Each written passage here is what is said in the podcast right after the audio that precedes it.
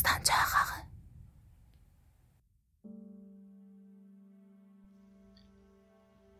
Ata aman verməyib canasinər bir şillə ilə qulağının dibini qızdırdı.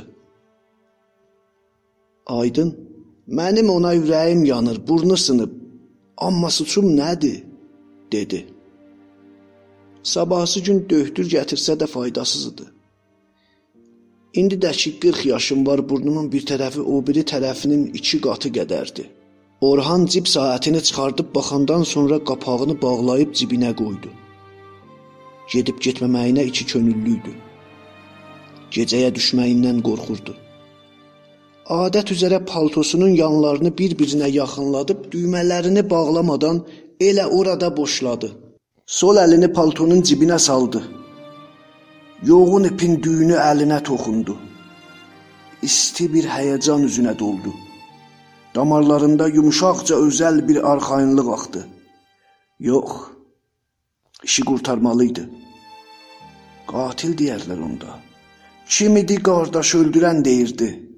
Ana hardasan? İndi haqsızcasına töhmət vurub mənim yükümü azaltmaq üçün suçumu boynuna alasan. Allaha and olsun qazancınadır.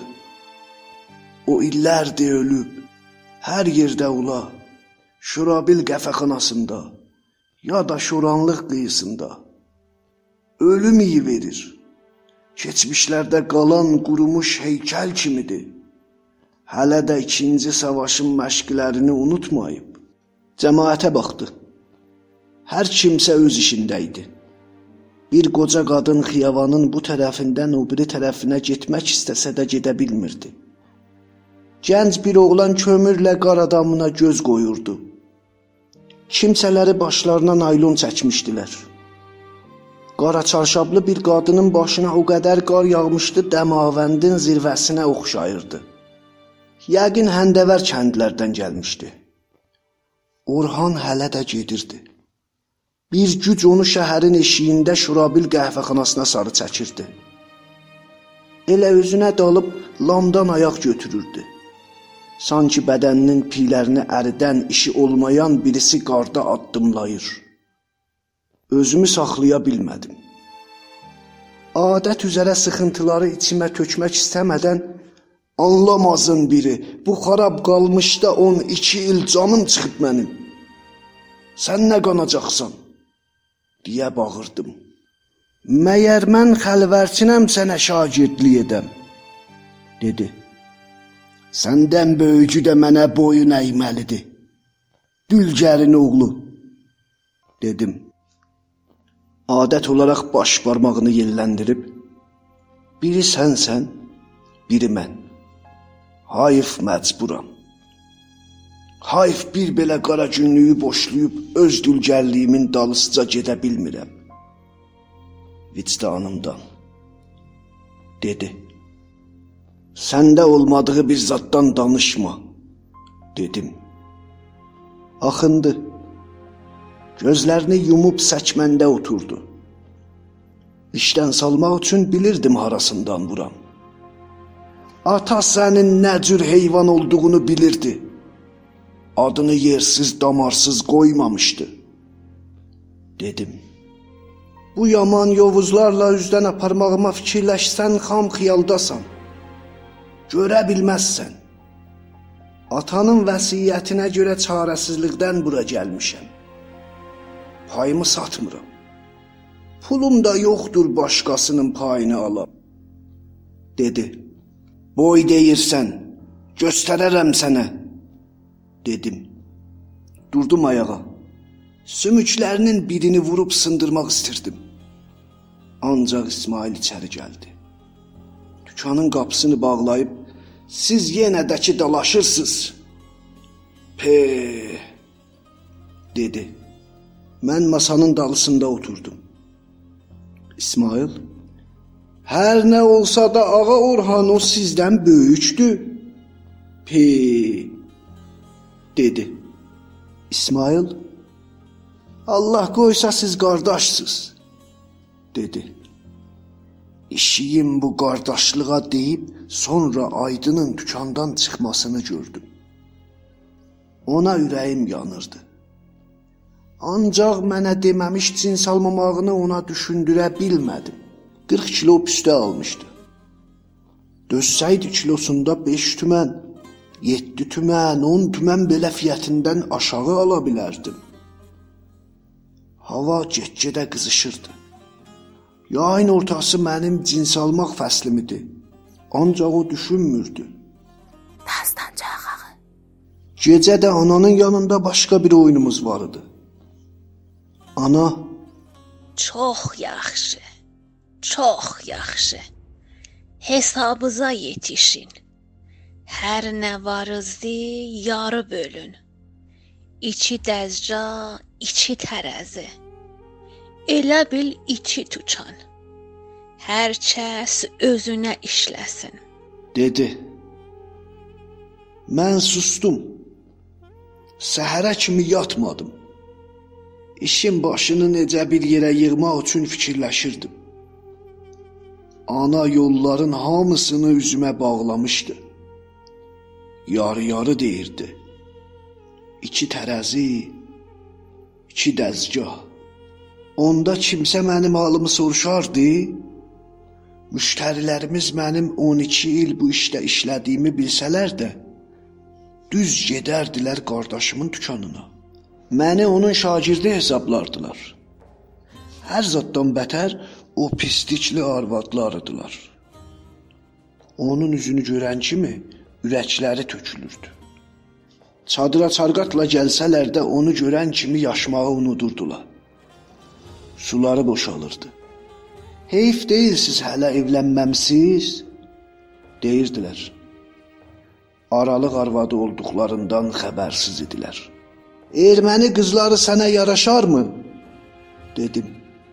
Sən qarışma, dedi. Ürək sıxıcı gün batan çağ idi. Qəbristana getdim. Atanın qəbri üstündə oturub ağladım.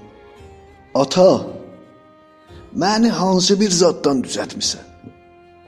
Onu hansı zaddan? Qadınlar nədən mənə baxmırlar? Nədən mənə qaşqabaqlarını sallayırlar? Nədən dünyanın ən gözəl qızı qardaşıma vurulub? Mayamız ki birdir. Elə deyilmi? dedim. Ata susub qalmışdı. Öskürə də bilmirdi. Qarqalar budaqlar üstündə idilər. Yel torpaqları gözümə doldururdu. Əqd siqəsini necə oxuyursan? Müsəlman dedim. Sən qarışma dedi. Sonra qızın çantasını püstə ilə doldurub ağzını bağladı. Sürmə, daha getməlisən, dedi. Mən o yalvarıcı ala gözlərə baxanda ölürdüm. Gecələr yuxum yox idi. Ürəyimdə Allaha and olsun səni yox edəcəyəm qardaş deyirdim. Bir zaman sonra ana Hardadır mənim aydınım? deyirdi. Bir gün gözəl tikilmiş tox yaşıl kot şalvarı əyninə giyən, fuqul vuran, üzü qırxılı, seyrək bığlı haman adamdan danışırdı. Ana bollu ləzzətlə ona baxıb gülümsəyərək, "Adam həzz alır." deyirdi. İndi də Hardadır mənim aydınım? deyirdi. Sən aydının harda olmasını necə bilmirdin? Şorabil qəhvəxanasında olar. Ya da duvarları tökülmüş Əxəvan bağının dalında. Gahdan karvansaranın dibində. Bir putluğun dövrəsinə yığışan yük daşıyanların içində sımışqa çıtlayırdı. Ya da onlar çıtlayırdılar, bu da 2-ci Dünya Savaşının xəbərlərini deyirdi. Ana Hardadır? Tap gətir. dedi. Bu dönə daha ana yox idi. Ana atanın qırağında, şəhərin əski qəbristanında xalvarlar torpaqla qarın altında yatmışdı. Xiyavan bulaşıq ha belə soyuq idi. Şəhərin bütün havasında tüstü ilə çən dalğa vururdu. Orhan bir an qayıdıb arxasına baxdı. Sanki o tüstünün hamısı acil satanlar karvansarasından eşiyə çıxıb burular kəndalanın ağzından dışarı basırdı. Orhan bir an qayıdıb odu söndürmək ya da bir cürə aradan aparmaqlarını onlara deməyi düşündü. Kürəli pinc alıb boru qoysunlar. Pulunu o verər. Ancaq bu fikirdən vaz keçib yolunu tutub Xiyavan qaldırımından gedərək şəhərdən uzaqlaşdı. Gövdə ya da çiyin toxunması daha yox idi. Əl daşqaları ayağına dəymirdi. Gahdan bir uşağın əlində qar gülləsi atılmırdı. Həmişə başını əysəyid də gövdəsi ağır olduğu üçün istər-istəməz qar gülləsi peysərinə dəyərdi. İki dönə qar yağmışdı. Bir daha yağmaq istəyirdi. Orhan bir maşın ya da bir faytona minmək üçün özünü xiyabana sarı çəkdi.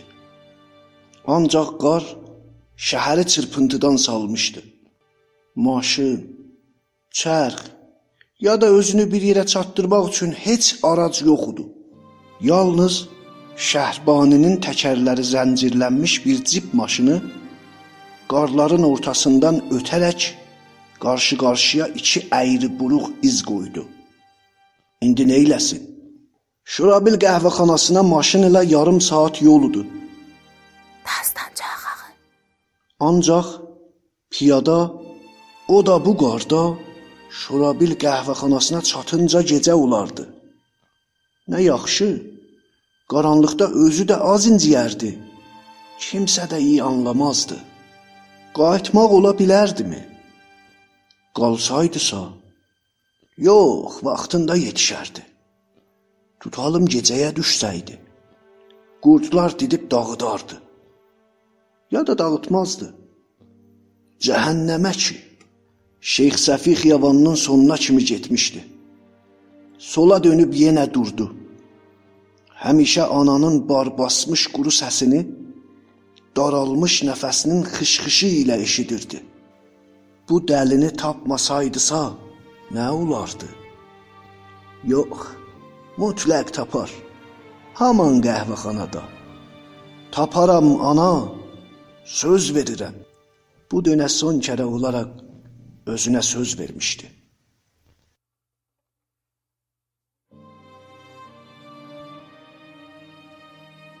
Ölüler Senfoniyası 1.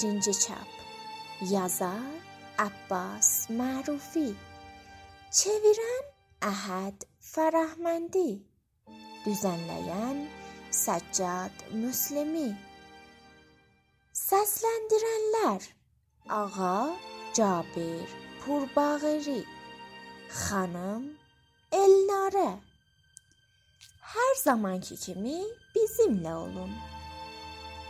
Bizim axağımızın adresi Dastanca D A S T A N C A